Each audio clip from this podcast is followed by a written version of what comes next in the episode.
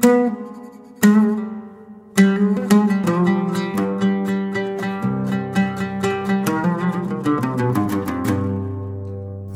أن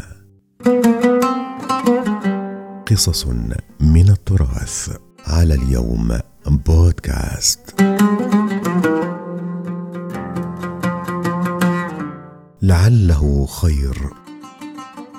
يحكى أن أحد الملوك كان له وزير حكيم وكان الملك يقربه منه ويصطحبه معه في كل مكان وكان كلما أصاب الملك ما يكدره قال له الوزير لعله خير يا مولاي فيهدأ الملك وفي إحدى المرات قطعت إصبع الملك فقال له الوزير لعله خير يا مولاي فغضب الملك غضبا شديدا وقال ما الخير في ذلك؟ وأمر بحبس الوزير فقال الوزير الحكيم لعله خير. ومكث الوزير فترة طويلة في السجن.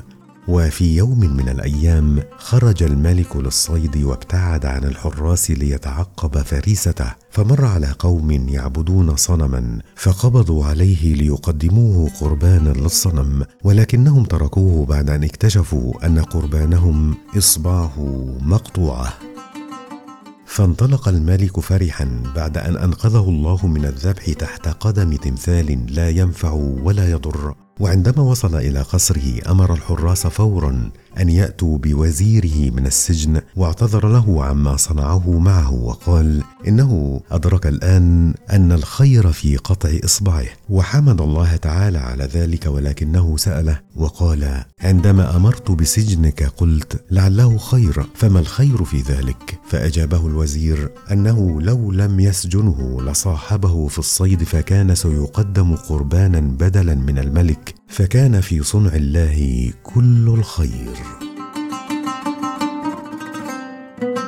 شكرا لاستماعكم لنا وعلى وعد بلقاء جديد عبر اليوم. بودكاست دمتم في أمان الله.